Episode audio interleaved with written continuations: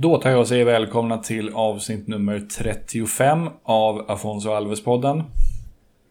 Jag heter Johan Dykhoff och i det här avsnittet blickar vi österut. För jag har nämligen intervjuat Viktor Sundqvist som är sportchef på den åländska tidningen Nya Åland. Eh, kopplingen till Afonso Alves kan tyckas otydlig här, men vi pratar en hel del om allsvenskans och framstående allsvenska spelares genomslag på Åland och även en hel del om brassar som har spelat i IFK Mariehamn och finska ligan i övrigt.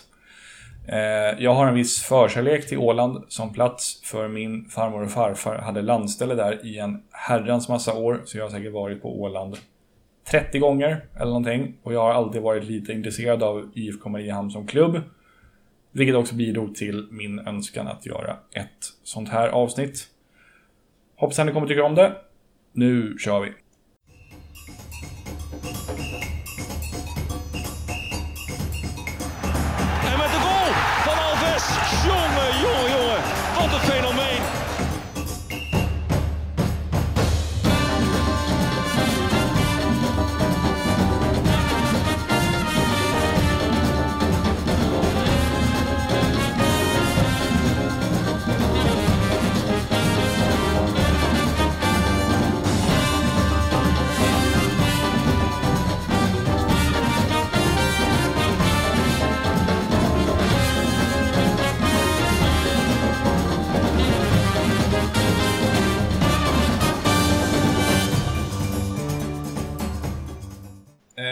Fullständigt namn börjar vi med.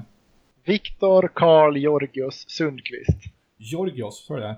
Mm, det stämmer. det var, berätta lite om den, eh, om bakgrunden till det.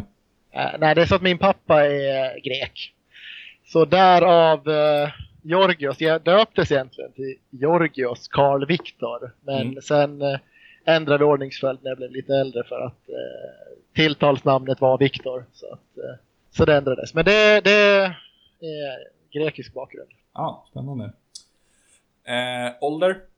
28. Mm. Eh, kommer från respektive bor i? Jag är född i Jakobstad, en, en stad i Finland. Men flyttade till Åland. Ja, jag var inte många månader gammal. Så flyttade jag till Mariehamn i Åland, på Åland. Och eh, här har jag bott sedan dess med, med några, några studieavbrott på andra orter. Okej, var studerade du då? Jag har studerat i Hällefors, en liten ort nordväst om Örebro. Och sen har jag varit korta sessioner i Stockholm, Uppsala och Sundsvall. Det är sådana studier som eh, som jag aldrig slutförde helt enkelt. Nej, jag förstår. Eh, Jakobstad, det är svenskspråkig stad också, eller hur? Det är ganska 50-50 nu Okej. för tiden. Det är en svenskspråkig stad, ja, men det börjar bli allt mera finska som gäller där också. Så att det är 50-50. Jag tror till och med att jag skulle säga att det är nästan merparten finska nu för tiden. Okej. Mm. Eh, sysselsättning tar vi sen. Eh, Jag jobbar som sportreporter på Nya Åland, en av två åländska dagstidningar. Mm. Kan du lite kort men kärnfullt redogöra för din liksom, journalistkarriär fram till dags dato?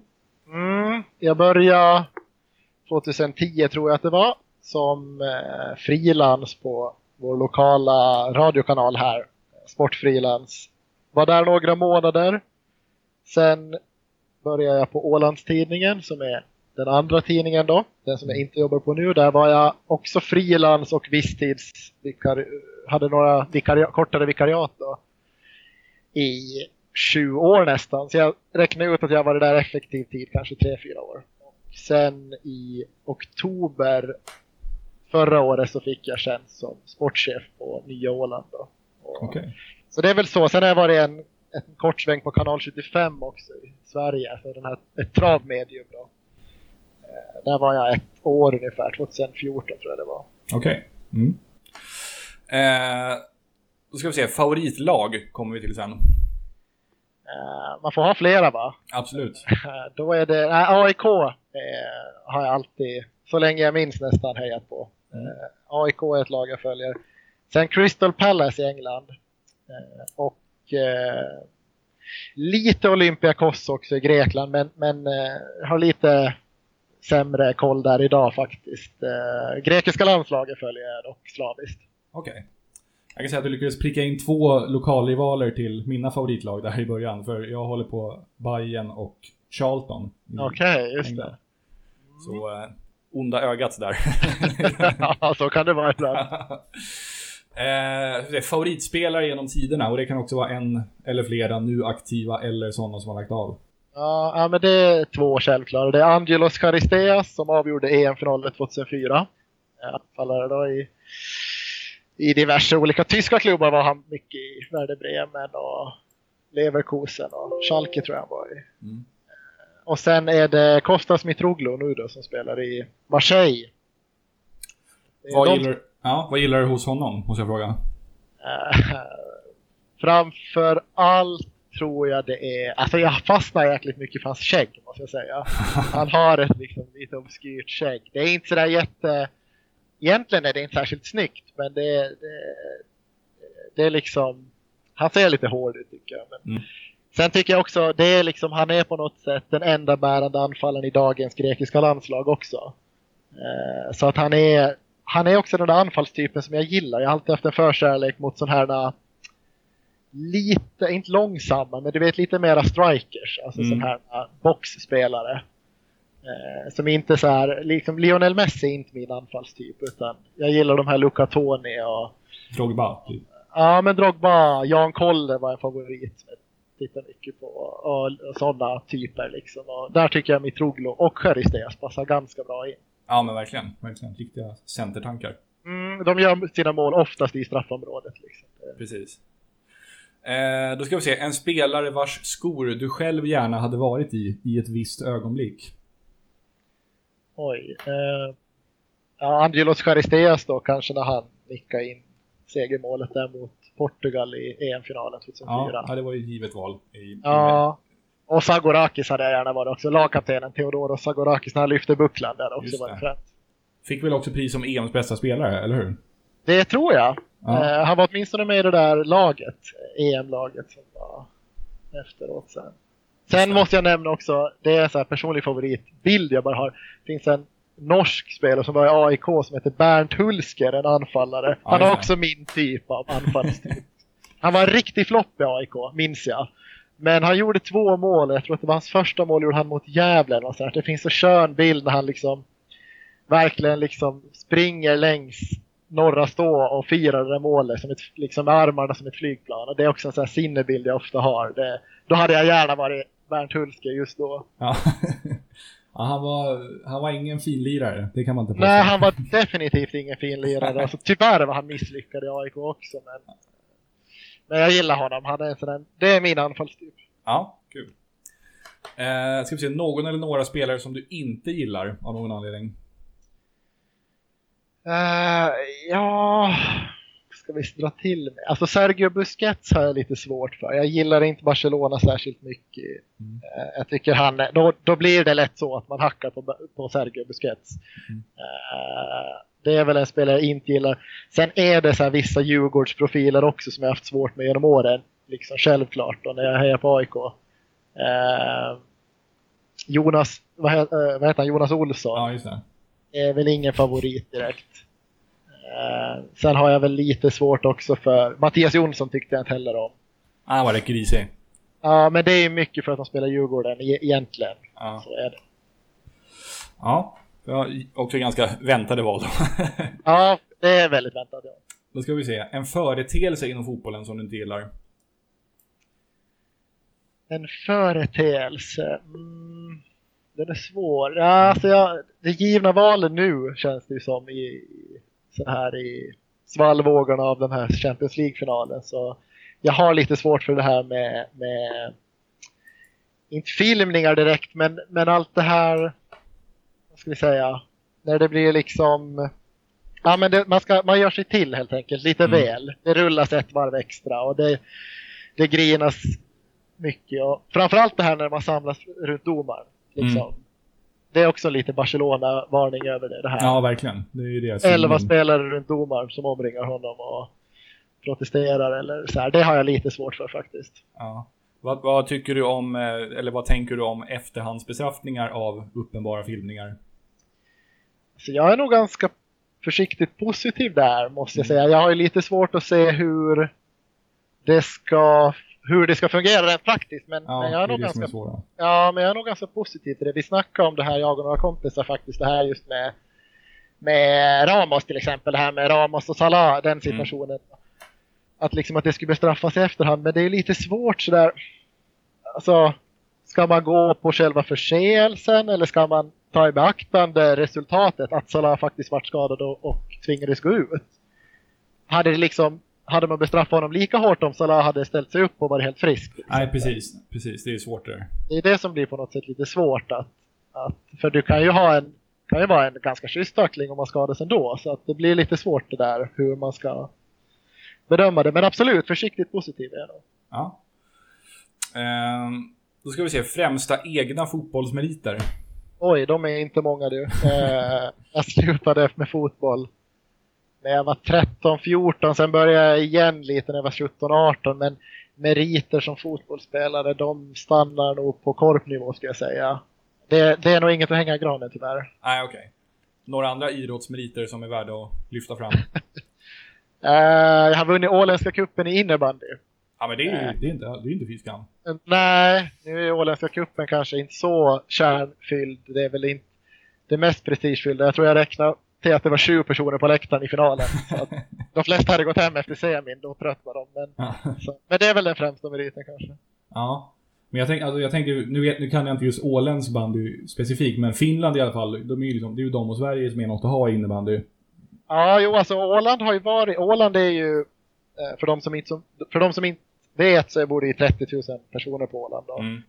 Och det är ju sådär att det är svårt att på Åland ha flera idrotter på elitnivå samtidigt. Liksom. Det där går lite i, det växlar lite. Så när jag växte upp, eh, då, eller var liten grabb i 9-10 års åldern, då var innebandyn jättestor på Åland. Mm. Runt, runt millennieskiftet, då hade Åland, vad heter OSK heter de, Ålandsbankens sportklubb. De hade ett lag i högsta innebandyserien i Finland då. Och var väl i semifinal som bäst tror jag. Så liksom när jag växte upp då var det innebandy som var boomen på Åland.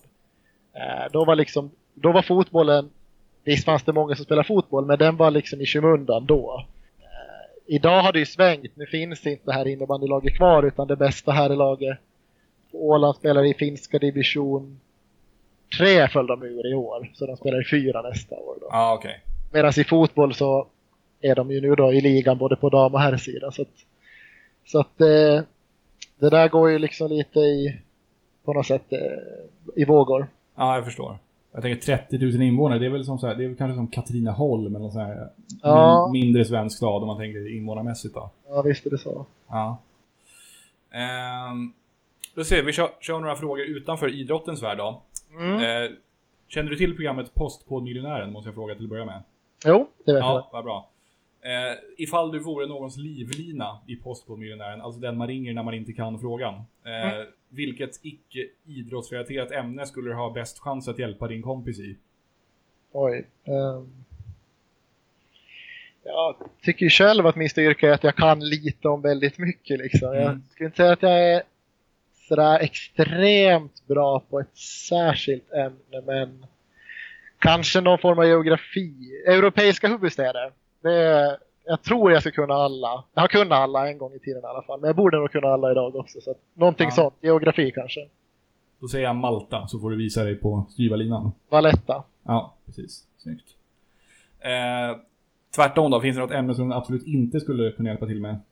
Ja, musik. Helt klart. Eh, jag tycker om musik. Jag lyssnar nog på en hel del. Men jag är, av någon anledning så är jag fruktansvärt ointresserad av liksom av musik i övrigt, alltså att kunna om musik. Jag vet knappt vad jag själv lyssnar på. Eh, det, det är liksom, jag kan, lyssna, jag kan lyssna på en låt säkert 700 gånger utan att veta vad den heter eller vem artisten. Det är på den nivån. Så musik, där hjälper jag inte till mycket. Nej, du kan inte någon basist i Deep Purple? Nej, nej, nej, nej, absolut inte. Alltså. Jag har en, en gång har jag faktiskt till och med blandat ihop, det är ett av mina pinsammare ögonblick, jag har en gång blandat ihop eh, Rolling Stones med den här gubbduon Sten och Stanley. Oj, ja den, det, då har det gått en bit, så det förstår jag. Så att på den nivån är det verkligen. Ja. ja, men man kan inte kunna allt. Det är... Nej. eh, då ska vi se. Eh, ifall du skulle programleda ett sånt här sommarpratsprogram. Ni har väl det på Åland också, men jag, jag tänker... Vi har sommarpratare på Åland, absolut. Ja, precis. Vil, och nu blir det musik i alla fall. Vilken låt skulle vara mest given på din låtlista? Ska det vara en sommarlåt alltså? Eller bara... Nej, det, bör, det behöver inte vara. Bara någon låt som du tycker om. Um, alltså skulle det, vara, skulle det vara en sommarlåt så ska jag ta Uno Svenningssons den här Vågorna gungar mig. Det är Ja. ultimata sommarlåten. Men en låt jag tycker om. Alltså jag gillar ju den här Nellis, den här rapartisten Nellis, den här uh, Here Comes the Boom. Mm. Det, den är soft att köra som introlåt. Coolt. Den kan jag inte riktigt höra. Ja, den får du liksom lyssna på i efterhand sen. Vi tar det sen efteråt. Ja. Eh, och så avslutar vi faktarutan med favoritland eller stad som du har besökt. Um, favoritland eller stad? Alltså jag gillar Köpenhamn. Och Danmark som land också. Jag tycker de har en skön så här, avslappnad mentalitet. Ja, men jag kör nog med, jag kör nog med Köpenhamn ändå. Ja, jag tror faktiskt det är första, första gången någon säger det. Så det var kul att du... Ja, men det är väl, det är väl för att eh, svenskar har väl onda ögat mot Danmark, eller? jag vet inte. Ja, men det, Det är väl lite my- rivalitet däremellan. ja, men det blir mycket New York och Berli- Berlin och sånt. Aha, ja, men jag reser, jag måste säga att jag aldrig varit utanför Europa. Det, Ja, jag reser, när jag reser så reser jag oftast till no norra Finland egentligen. Okej. Så det blir sällan så här. Det far aldrig New York-resor härifrån liksom för mig. Mm. Det, det är Rovaniemi som gäller. Okej. Är det något att ha då? Rovaniemi? Rovaniemi är stad jag gillar. Dit har jag Ja. nog varit väldigt många gånger. Mm. Eh, kört Bottenviken runt och sådär också från, från börja i Sverige då och sluta i Finland. Så det är många sådana resor före, före New York och sånt. Ja, okej. Eh, kul, ja, men det var faktarutan. Då känner vi dig lite bättre som person. Så då går vi vidare till liksom, huvuddelen av podden. Eh, och till att börja med så tar vi och avverkar det mest centrala ämnet för podden. Så om jag säger Afonso Alves, vad dyker upp i huvudet på dig då? Nej, men jag minns ju honom framförallt måste jag säga. Jag har ju inte alltid haft så här stenkoll på allsvenskan utöver AIK. Men, Mm. men jag minns honom väldigt bra i Malmö FF ändå. Han är sån där, jag har spelat mycket i sådana Championship Manager och FM och sådär genom åren. Så att det är klart jag känner till honom. Eh, och för mig är han nog vet att han började i och för sig i Örgryte, men det är nog Malmö FF-tiden jag kommer ihåg sådär eh, bäst, ska jag säga. Just det. Och han var ju lite... På den tiden var det ganska ovanligt att spelare flyttade sådär. Alltså att man värvade nyckelspelare från andra klubbar sådär. Det var så, han var nästan lite unik på så sätt också. Jag, jag minns honom nog väldigt bra ändå måste jag säga. Bättre än till exempel Alvaro Santos då, som du nämnde tidigare. Ja, just det. Han är nog kanske den brassen som har gjort främst intryck på mig i Allsvenskan tillsammans med Antonio Flavio då, i, i AIK 2000 2009. Ja, det är klart. I med guld, Ja, precis. guldspurten där. Ja. Eh, hur liksom... Kanske en liksom luddig fråga, men hur stort genomslag har allsvenskan och liksom framstående allsvenska spelare i... Eh, alltså i vad ska säga, åländsk media och även hos så här folket på gatan på Åland? Nej, men vi följer nog Allsvenskan väldigt mycket. Vi följer ju ganska mycket svenskt, jag ska säga, alltså, i och med att vi är svenskspråkiga. Vi, alltså, majoriteten ser ju på svensk tv framom finsk, så är Mm. det. Eh, och Allsvenskan har stor genomslagskraft ändå, framförallt mycket via Daja Sjölund som spelar i Norrköping nu då, som var många, många år i Djurgården. Eh, Det är en sån här åländsk fotbollsprofil och eh, sen är det så att det finns extremt många djurgårdare på Åland. Eh, dels därför just att Daja var där i så många år som han ändå var då. Mm. Eh, dels för att Djurgårdens färger är samma som det finns på den åländska flaggan. Just det. Så att det, det är extremt mycket Djurgårdsintresse på Åland. Tyvärr. ja, precis. Så att, men det har stort genomslagskraft, absolut. Vi, det, det ses mycket på Allsvenskan här, det gör det. ja. Hur, hur har det varit med, om man tänker till exempel Östersunds framfart i Europa, har det, är det någonting som ni har bevakat på, på din tidning? Nej, det har vi inte. Alltså, vi har inte bevakat det på min tidning så, det har vi. Men, men det är någonting som ändå har följts med eh, bland åländska fotbollssupportrar, absolut. Dels för att Östersund lite är liknande IFK Mariehamn på det sättet att det är lite underdog-varning över dem på något sätt. Ja. Den stämpeln. Och sen, sen vet jag också att eh, IFK Mariehamn har huvudtränaren i IFK Mariehamn, Peter Lundberg, han har också varit till Östersund på lite så studiebesök och Mm. haft med, med Graham Potter att göra. Eh, Så att det, det har nog följts med, men vi har inte bevakat det från min tidning. Det har vi. Nej, okej. Hur är det med Zlatan då? Hur, hur stor Aha. plats tar han? Ja, men han är en vattendelare också här.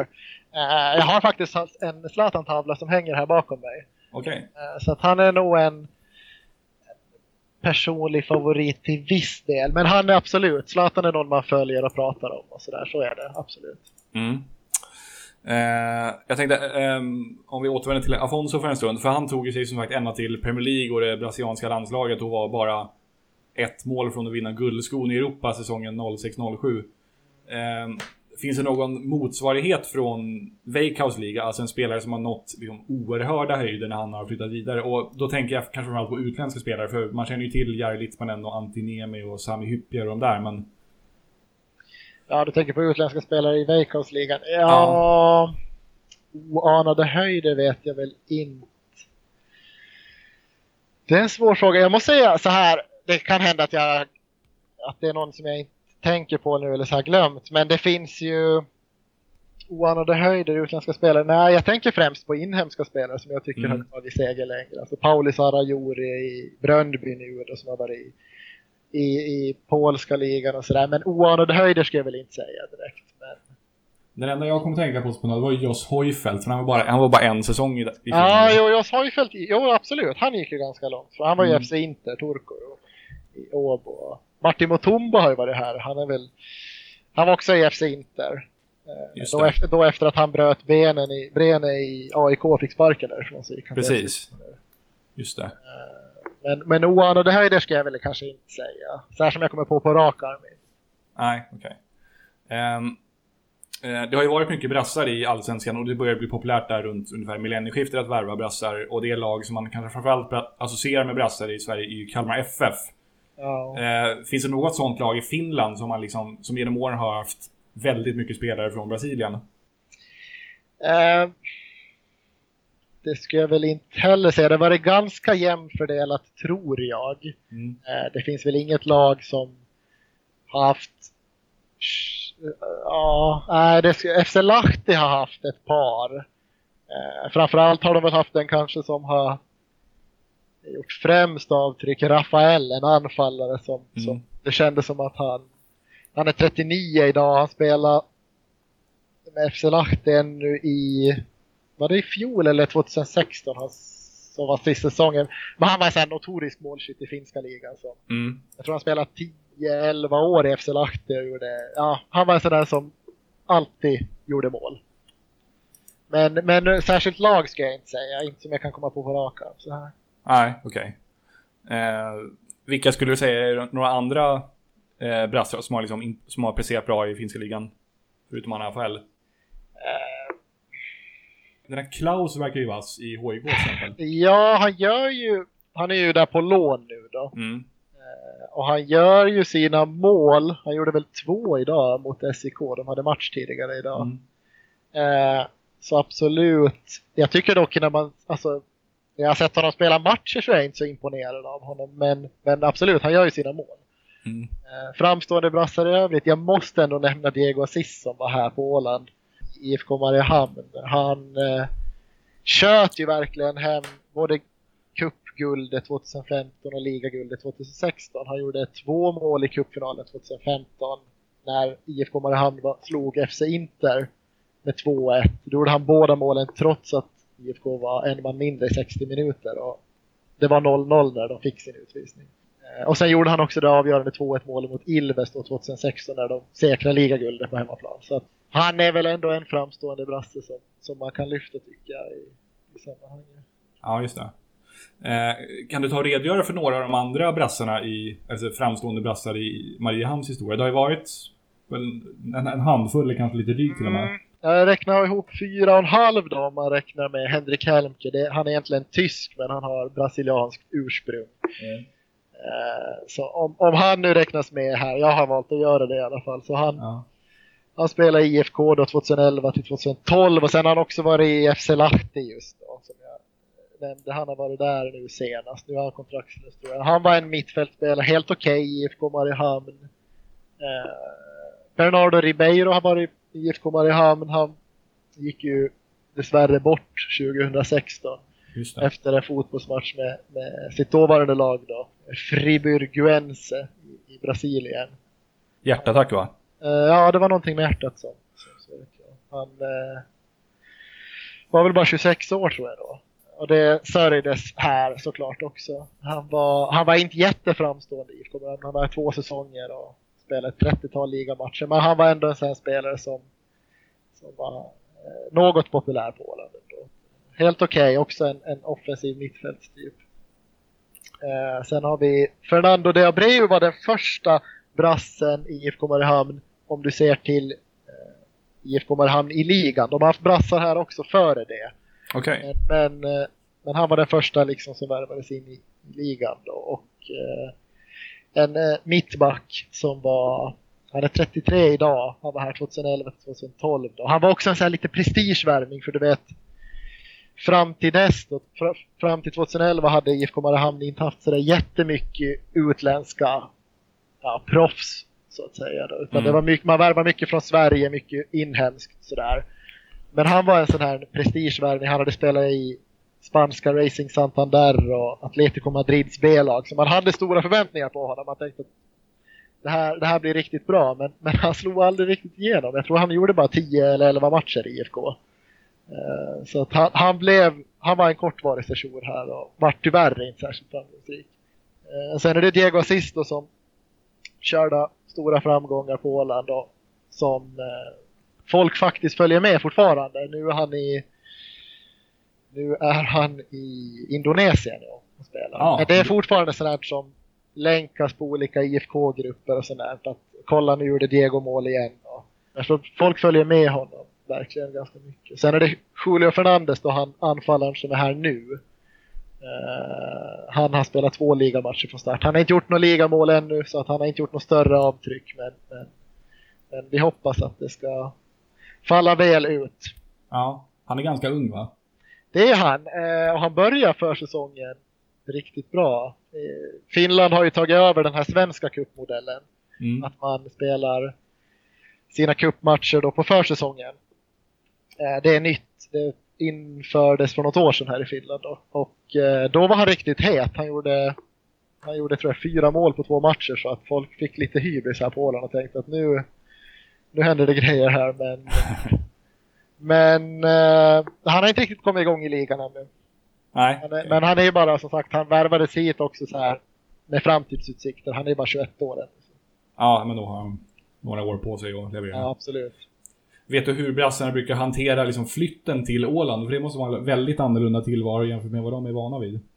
Alltså bra, skulle jag säga så generellt. Eh, det gäller inte bara för brassar utan jag skulle säga för nästan allihopa som har kommit hit faktiskt. Mm. Så är det positiva tongångar. Eh, det är klart att är man en storstadsmänniska så är det en stor omställning men, men Åland har nog genom IFK Mariehamn har nog genom alla år i ligan haft eh, spelarna har haft väldigt lätt att akklim- akklimatisera sig. Alltså man, jag ska inte säga att man blir kärnor på Åland, det blir man inte. Men liksom, du vet lokalbefolkningen vet ändå vem man är och kommer fram och hejar på stan och så här. Så Ja. att jag tror ändå att man eh, Ja men jag tror att de flesta har varit nöjda med sin vistelse här. Diego Assis till exempel, den brassen, jag vet att han älskade att bo här. Han tyckte om det. Hans familj trivdes väldigt bra och de var otroligt uppskattade bland lokalbefolkningen. Och, och eh, hade mycket så här välgörenhet liksom, projekt och, Ja, och sådär. En riktig, Mm.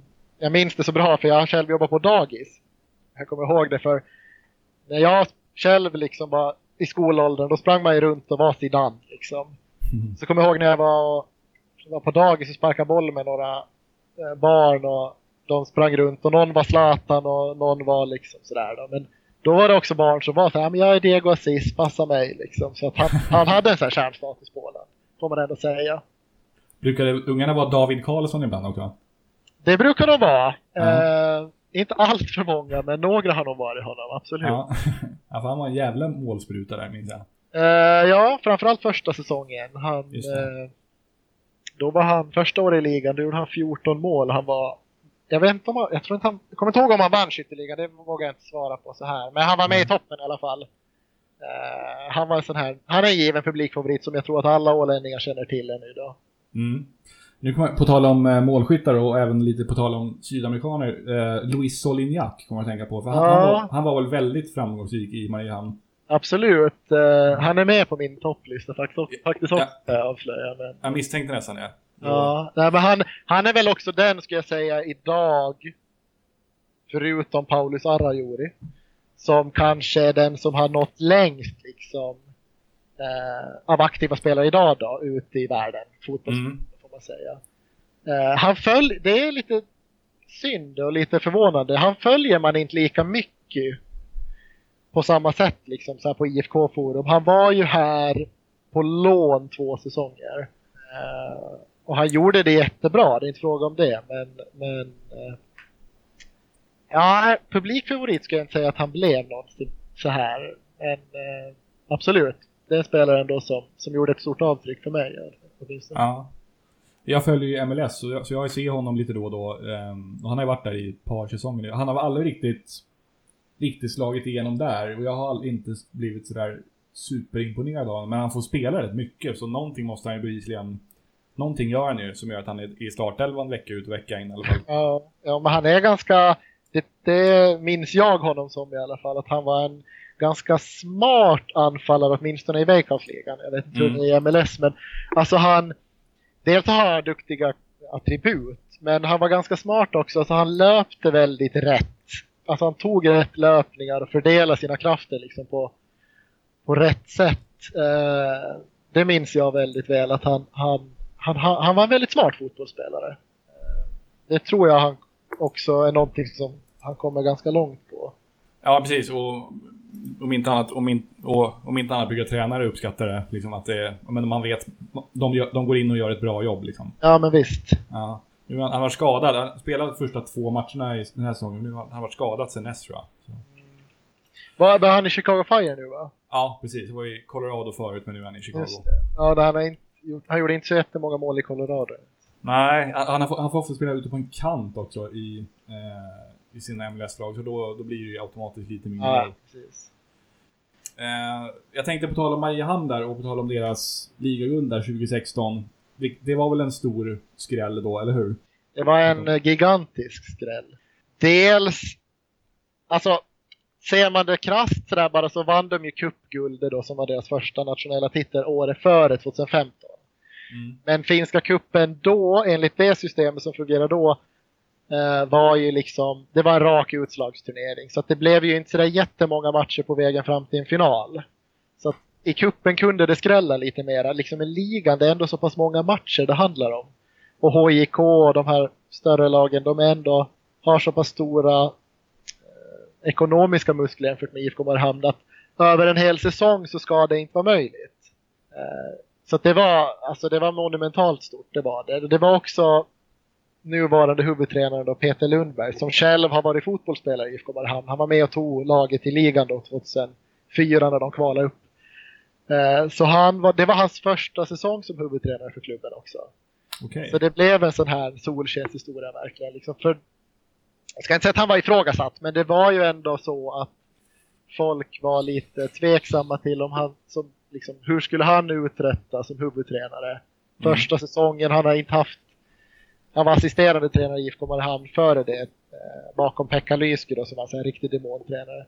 Och så ville man satsa på kontinuitet och valde honom som efterträdare. Och, och även om det inte var ifrågasatt, ifrågasatt liksom, så var det ändå sådär att man det var lite tveksamheter kring det och sen går han, di, går han och smäller dit ett ligaguld i första säsongen. Så det, det var häftigt. Påminner lite om när Micke Stare tog över AIK ju. Ja, jo. Också första säsongen som huvudtränare. Och där snackar ju många om att han fick det serverat av Rickard Norling. Liksom. Ja. Att han bara kom in och, och, och vann guld, det, det, det håller jag väl inte riktigt med om. Men det är lite liknande, så är det. Mm. Skulle du säga att det här, eller både cupguldet och eh, sen det efterföljande ligaguldet, har det liksom påverkat förväntningarna och synen på IFK Mariehamn för framtiden? Alltså ser Mariehamn, ses Mariehamn mer som en klubb att räkna med idag jämfört med liksom 2014? Ja, absolut, det gör de. Framförallt så har det ändrat eh, förväntningarna alltså, på Åland. Alltså. Mm.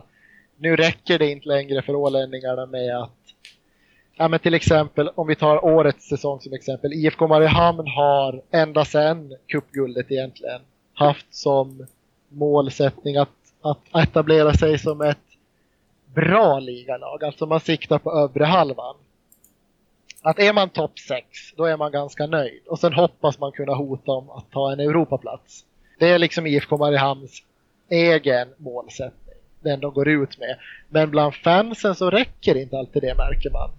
Att nej men vadå, vadå, ska vi satsa på att komma topp 6? Vi vann ju ligan 2016 och då måste vi sikta högre.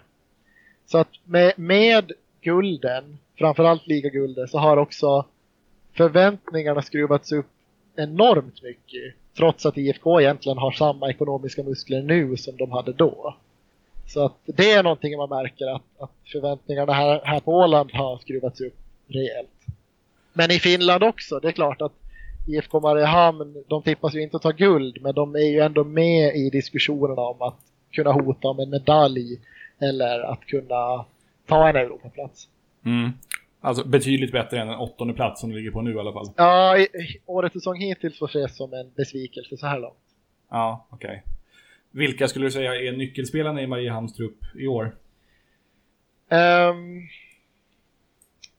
ja, om vi tar nyckelspelare. Alltså Christian Kojola som är mittback. Eh, mm. Också en ny lagkapten i år efter att Jani Lyski, den åländska giganten, la av i fjol. Så han är en nyckelspelare som tyvärr, enligt mig, inte riktigt har kommit upp i den nivån som han har varit i. Mm. Men, men, det är en nyckelspelare utan tvekan. Eh, Gabriel Petrovic som många säkert känner igen från AIK eh, och Brommapojkarna. Han är också en nyckelspelare. Tyvärr är han lång, långtidsskadad nu. Eh, Okej. Okay. Så att IFK har nyligen tagit in en ersättare för honom i Amin Nasari som är Malmö FF-fostrad.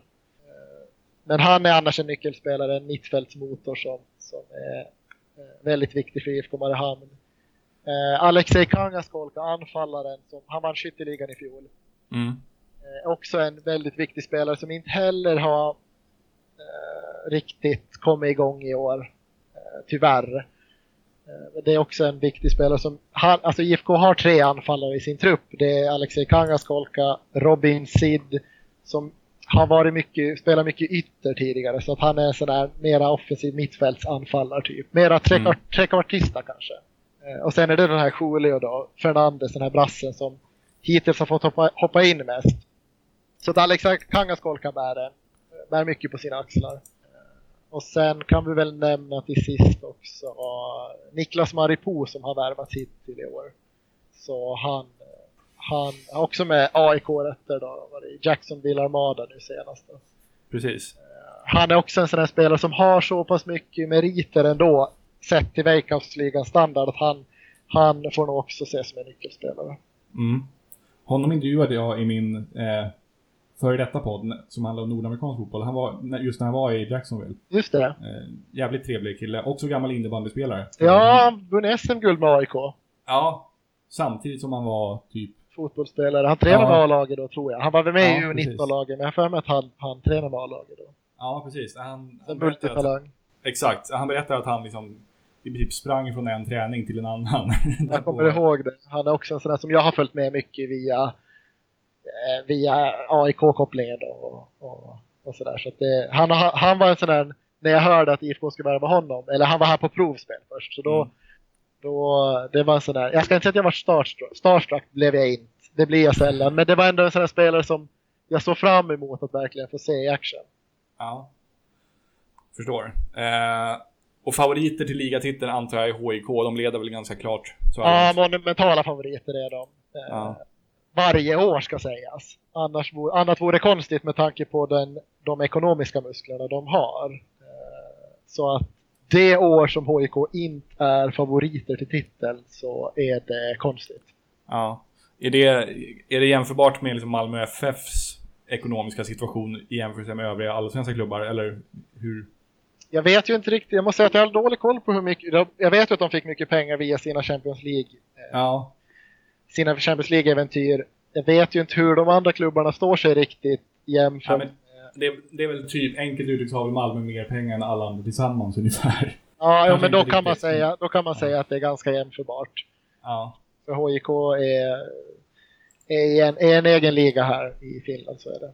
Ja, förstår.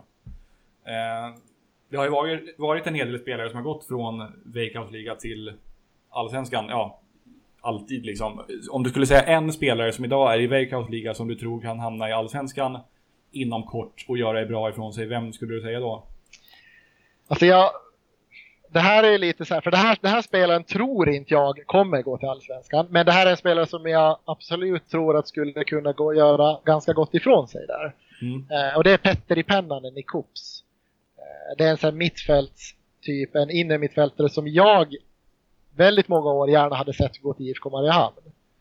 Eh, han, är, han har en väldigt bra fot för fasta situationer, han är väldigt bra i spelet. Eh, han tror jag skulle göra bra ifrån sig i Allsvenskan. Mm. Kan, inte i någon toppklubb, men jag tror absolut han skulle kunna gå till GIF Sundsvall till exempel. Eller, eller liksom någon, någon sån här mera mittenlag. Eh, jag tror dock inte att han kommer göra det, men, men han är en spelare som jag tror att skulle passa bra. Sen är det så att HIK, nästan alla spelare i HIK håller för allsvenskt spel. Mer eller mindre. Men, men de får ganska bra betalt i HIK också, så frågan är liksom om de är beredda att gå till Kalmar FF eller GIF Sundsvall eller Dalkurd. Liksom. Eh, om man ser till Veikkausligaspelare till Allsvenskan så, jag säger nu Petter i Pennanen Ja. eh, i första hand, för, för vad jag tror. Ja. Får se hur det går där då.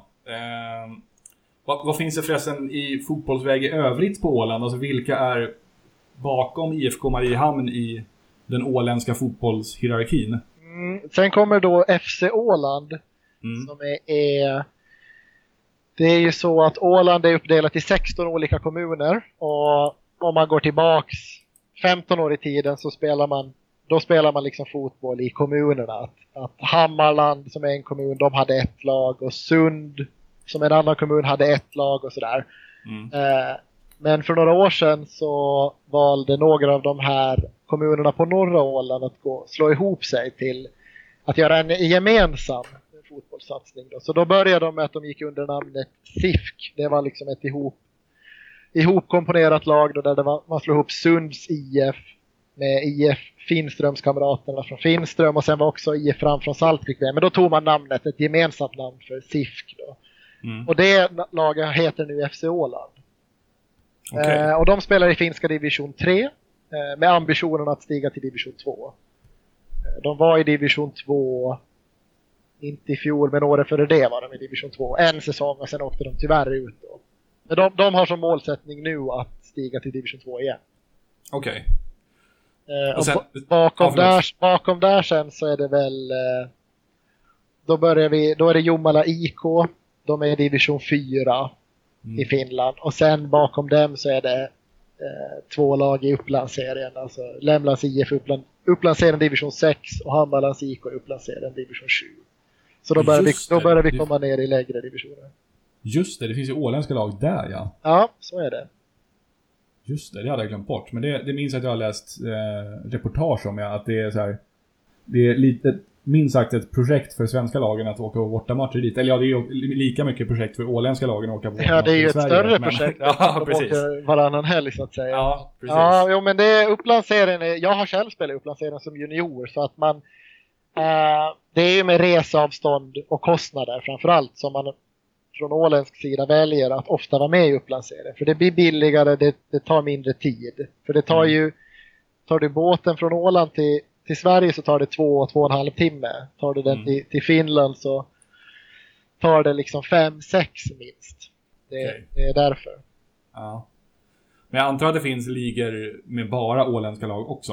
Eh, Att det finns Nej, vi har ingen inhemsk liga. Alltså, vi har ju bara Korpen som inhemsk Okej. liga. Alltså på Okej. seniornivå då. ja. Det finns ingen inhemsk liga så här på, på seniornivå i övrigt. Jag tänkte att, att- okej, jag tänkte att det kanske fanns här division liksom 6 som bara är åländska lag. Men nej, Nej det, fin- nej, det finns det inte. Det finns inte en, så många... Vi har inte så många fotbollsklubbar på samma nivå helt enkelt. Det, det ska tilläggas dock att de här FC Åland som, som jag nämnde som spelar division 3, de har ett farmaravtal med IFK Mariehamn. Så de två lagen samarbetar och, och, och eh, lånar spelare till varandra också. Ja, ja, okej. Hade Vårdö något lag? Det var där min farmor och farfar hade landställe. Nej, Vårdö har inget lag tyvärr. Det finns ju en, en idrottsförening där som heter Vårdö IK, men det är inget, eh, de har inget aktivt fotbollslag på det sättet. Nej. Nej, jag misstänkte det. det. Vad kan det bo där? Några hundra personer om ens det. Du, det bor några, det hör ju till uh, skärgården även fast det, du kommer dit med vajerfärja. Så att Mm. det, det, det, är ju an, det är ju direkt anslutning till, till uh, fasta Åland, men det klassas ändå som en skärgårdskommun. Så Ja, väl kanske, jag vågar inte svara på exakt hur många som bor där, men 500 kanske. ja okej. Ja, det är lite lite kanske. Det är lite litet för ett fotbollslag. Ja. Ja. eh, du, jag tror vi har kommit in på sista punkten i intervjun, nämligen eh, topp 7-listan. Eh, och i och med att du har lyssnat på ett avsnitt tidigare så kanske du vet, vet varför det är just topp 7 och inte topp 5 eller topp 10 som brukar vara mer vanligt när man tar ut listor. Ja, det har jag missat, det får du nog... Ja. Eh, det är så att eh, Afonso Alves gjorde sju mål i en match när han spelade i Heerenveen. Ja, ah, just det, såklart. De vann med nio- de vann med 9-0 mot Herakles och han gjorde sju mål. Så då tänkte jag att då får det här inslaget vara som en slags liten hyllning till den insatsen. Eh, och det här är då ett fast inslag som jag har i alla avsnitt där ehm, den som är intervjuad får presentera en lista på ett ämne som jag meddelar på förhand och för dig valde jag dina favoritutlänningar i IFK Mariehamns historia eller åtminstone de som du har upplevt liksom. Eh, så det är egentligen bara att köra igång. Gärna någon liten motivering till varje namn också. Absolut. Eh, ska ju sägas då att jag har ju även då valt några svenskar här som får ses Ja. som utlänningar i det här. Eh, och jag har också valt att ha, det här är då spelare som har spelat ligafotboll i IFK Mariehamn. Mm. Eh, men om vi drar igång så, jag börjar väl bakifrån då. då på Ja. 20 på min lista så är David Karlsson då, även kallad Tulle. Mm. eh, som var med i det laget som tog IFK Mariehamn till ligan då, eh, genom kval 2004. Eh, hade en riktig kanonsäsong 2005 där han gjorde 14 mål och blev liksom en sån här Ja men du, som du själv sa tidigare, att målspruta, det var ju där han liksom fick den på något sätt statusen.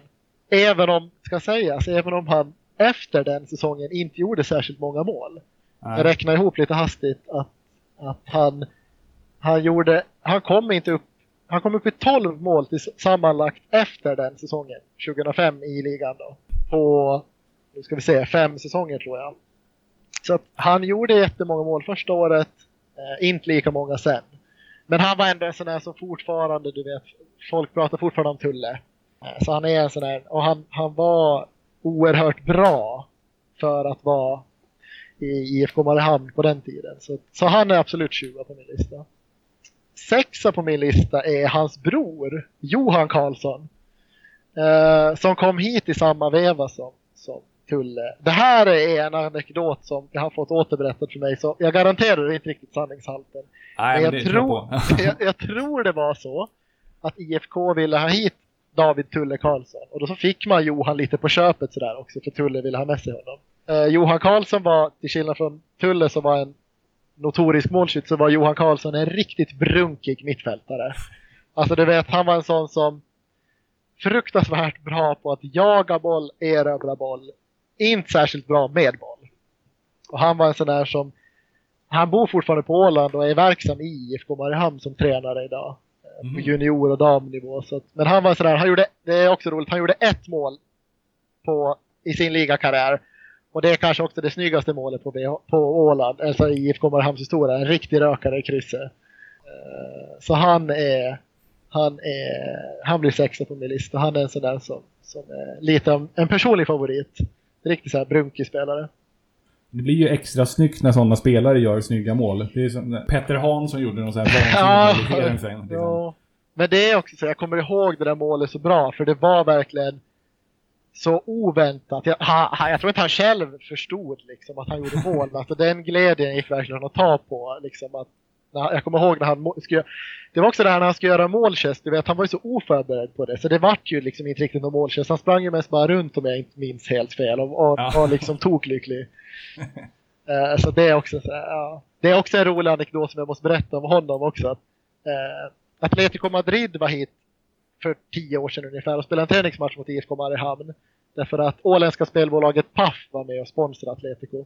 Mm. Så då hade de i sponsoravtalet, tror jag det var, ett, att de skulle spela träningsmatch mot IFK på Åland.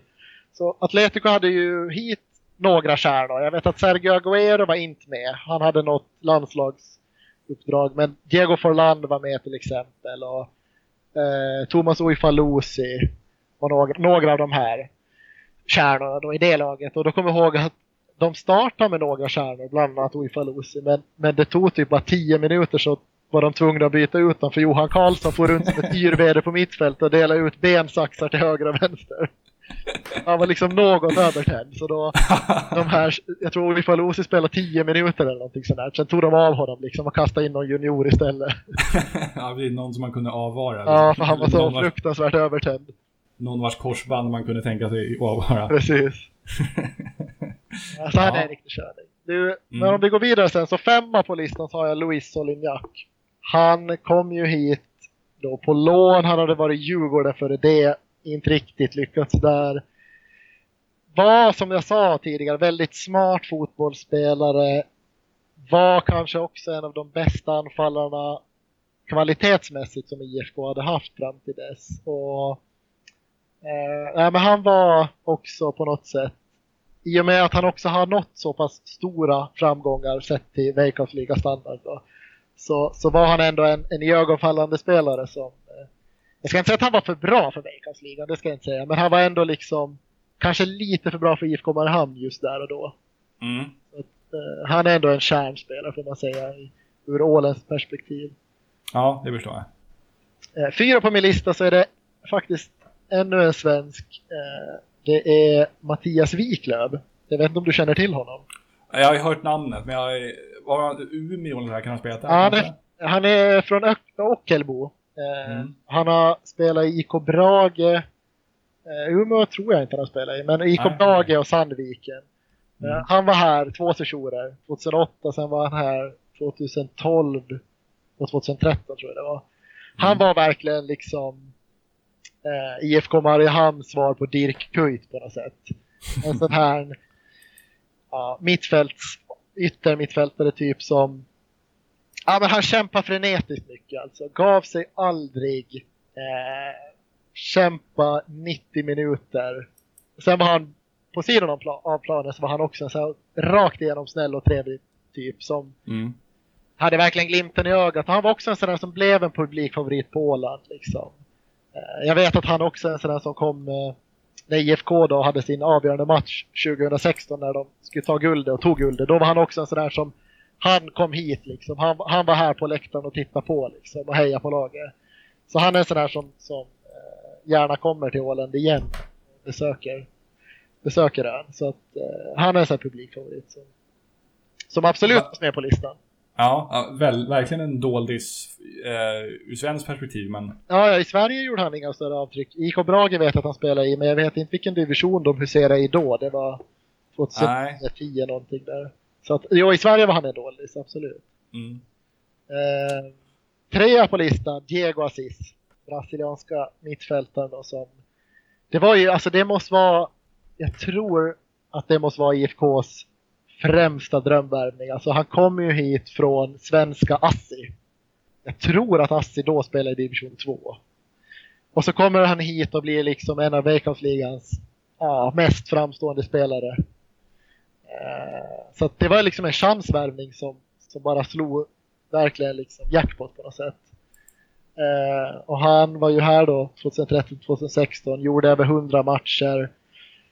Ett 20-tal mål, varav då de här avgörande cupmålen och, och ligaguldmålen. Och, och också en sån där som eh, fick skriva många autografer som barnen. Så, liksom. och, och, eh, ingen drömperson att intervjua dock om man ser ur mitt perspektiv. Eh, Därför att när han kom hit så kunde han knappt någon engelska. Och eh, när han väl lärde sig engelska så han är han är djupt religiös. Inget Mm. fel i det men det blev liksom lite otacksamt att intervjua honom för vad du än hade för fråga så tackar han Gud. Ja, Det spelar liksom ingen roll om du bad honom beskriva ett mål, börja med att tacka Gud eller om de hade förlorat. Du frågar liksom eh, om han kunde analysera matchen så tackar han Gud. Så det blev liksom så något otacksamt intervju. Att, eh, någon, eh, otacksam person att intervjua helt enkelt. Jag har för mig att Lars Lagerbäck har beskrivit att det var så när han tränade Nigeria. Att, eh, liksom, att spelare kunde lite grann ur, ursäkta dåliga insatser med att idag ville inte Gud, ungefär. Ja men lite så var det med Diego också. Så gick det dåligt så, så typ ville inte Gud och alla gånger det gick bra så var det ju Gud som hade gett honom kraften. Ja. Så det var ju verkligen så här att, jag ska inte säga att man drog sig för att intervjua honom, men du visste ju på förhand redan att om du, liksom varför, hur gick det så här bra idag så visste du att det kommer vara tack vare Gud. Det, det är liksom, när vi ändå bevakar IFK Mariehamn nästan dagligen i media så det funkar inte att köra Gud spår varenda dag i tidningen. Liksom. Nej, precis. Det blir liksom lite uttjatat. ja, det är inte helt ovanligt bland, bland eh, brasilianska spelare. Nej, jag har förstått det. Mm. Eh, om vi går vidare då så tvåa på min lista så är anfallaren Dever Orgil. Han var här, jamaikansk anfallare. Som, han var också här samtidigt som Diego Assist 2013 till 2016. Mm. Eh, de var för övrigt också bästa vänner ska jag säga. Eh, han var ett fysiskt fenomen, anfallare. Han var till skillnad från Louis Solignac inte särskilt smart. Alltså, jag ska inte säga att han var dum, absolut inte. Men han var inte den smartaste fotbollsspelaren. Men han, Nej. Han vann ju varenda närkamp. Alltså han var stark, snabb, spänstig. Eh, inte det bästa avslutet. Han gick liksom på kraft hellre än placera. Men, men gjorde mycket mål. Eh, kämpa, skapar mycket ytor också liksom. För IFK spelar ofta, inte alltid, men de spelade då under hans tid med en ensam anfallare. Mm. Så att han hade ju liksom mycket ansvar på sina axlar som ensam anfallare och han gjorde det verkligen jäkligt bra. Alltså han, han skapade sina egna lägen mycket. Eh, och han var också en sån här publikfavorit på Åland som genom, genom sina prestationer och, och, och sin personlighet också fick mycket fans. Ja. Så han, han, han är given tvåa på listan. Idag i Österrike va? Eh, idag är han i Wolfsberger och i Österrike och, Mm. gör en del mål där ser jag. Han, för mig att han, nu är han lite, nu är han av en startspelare. Eh, kom väl in som en, en inhoppare men, men det har inte riktigt lossnat på honom så även fast han gör lite mål nu och då. Det går ju tyvärr inte så det är jättebra för det klubblaget heller. Eh, men han är absolut en sist på listan och det här var det självklaraste för mig faktiskt. Eh, Mm. Det är Bobby Friberg da Cruz. Personlig favorit. Framförallt för att han dels är han ju jäkligt skön gubbe, göteborgare, bjuder alltid på sig själv. Eh, lätt till skratt. Eh, han är också en sån där som verkligen liksom, han liksom höll inte på med massa floskler utan han sa verkligen vad han tyckte liksom. I vått och torrt och eh, ja men en riktigt skön snubbe sådär som eh, på något sätt eh, han, han var också en sån publikfavorit, charmar verkligen den åländska befolkningen. Sen bjöd han ju på så sköna anekdoter också, liksom jämt och ständigt. Alltså, ja, men han var, ja, han var bara riktigt skön på något sätt. Han, han var en sån där personlig favorit. Ja. Sportsligt då, hur var han då? Han, det är det som är så skumt för att eh, han, han har sagt det själv också att han är inget träningslejon. Det, det levde han verkligen upp till. Alltså han, han var på träningarna när man var och tittade på honom. Alltså han var loj. Eh, ganska dålig på träningarna. Man, sinnebilden av honom på träningarna var ju liksom dubbla knästöd eller knäskydd. Liksom så här. Såg ganska sliten ut. Eh, var inte särskilt bra på träningarna. Men sen när det kommer till match, matchsituationer så då var han ju liksom ja, nästan säkerheten själv på något sätt. Mm. Eh, verkligen, verkligen stabil. Eh, faktiskt väldigt, väldigt, väldigt duktig. Gjorde, bidrog mycket till IFKs framgångar 2015 och 2016. Mm. Eh, så att han, han, fotbollsmässigt var han av bra kvalitet. Ja.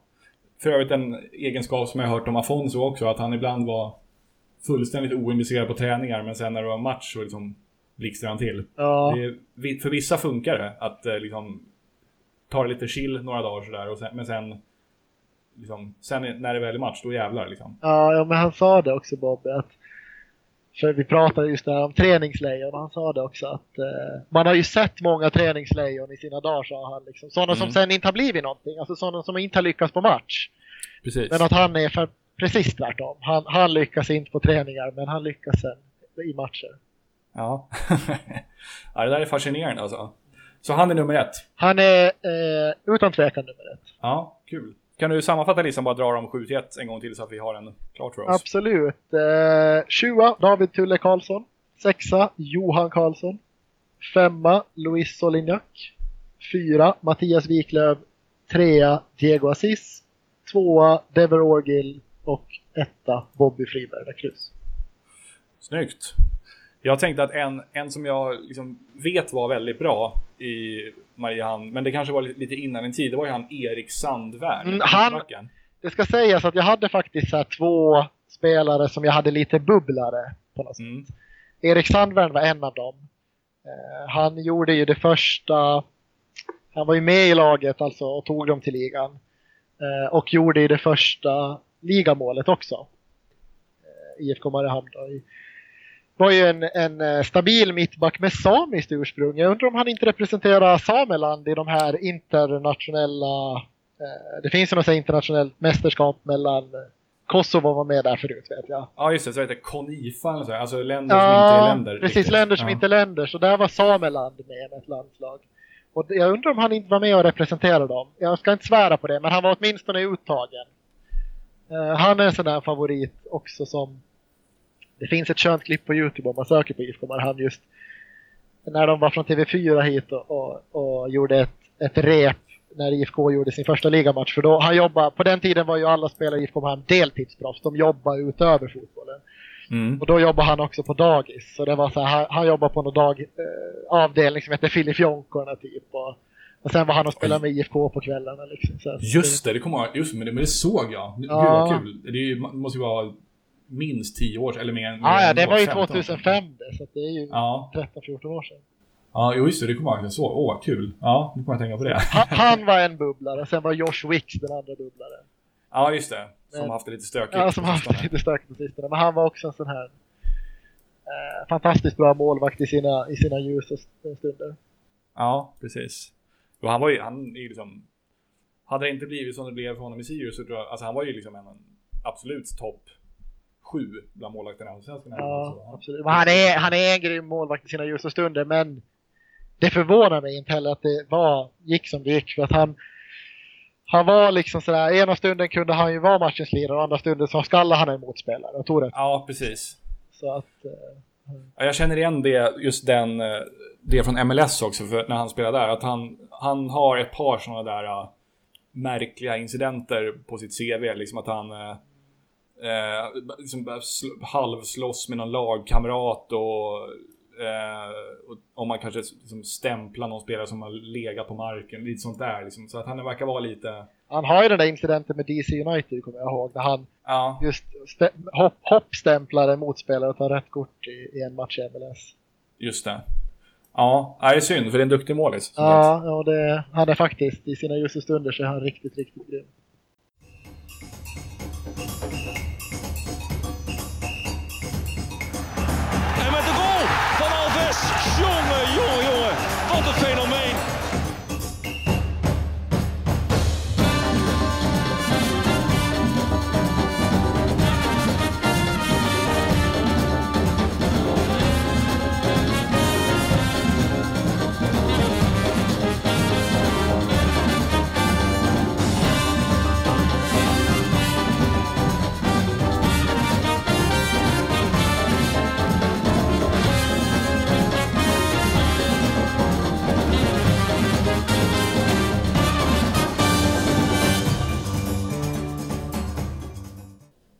Sådär ja, då tar vi och tackar Viktor Sundqvist för att han ställer upp på den här intervjun. Och vi önskar honom såklart all lycka och medgång framöver där borta på Åland.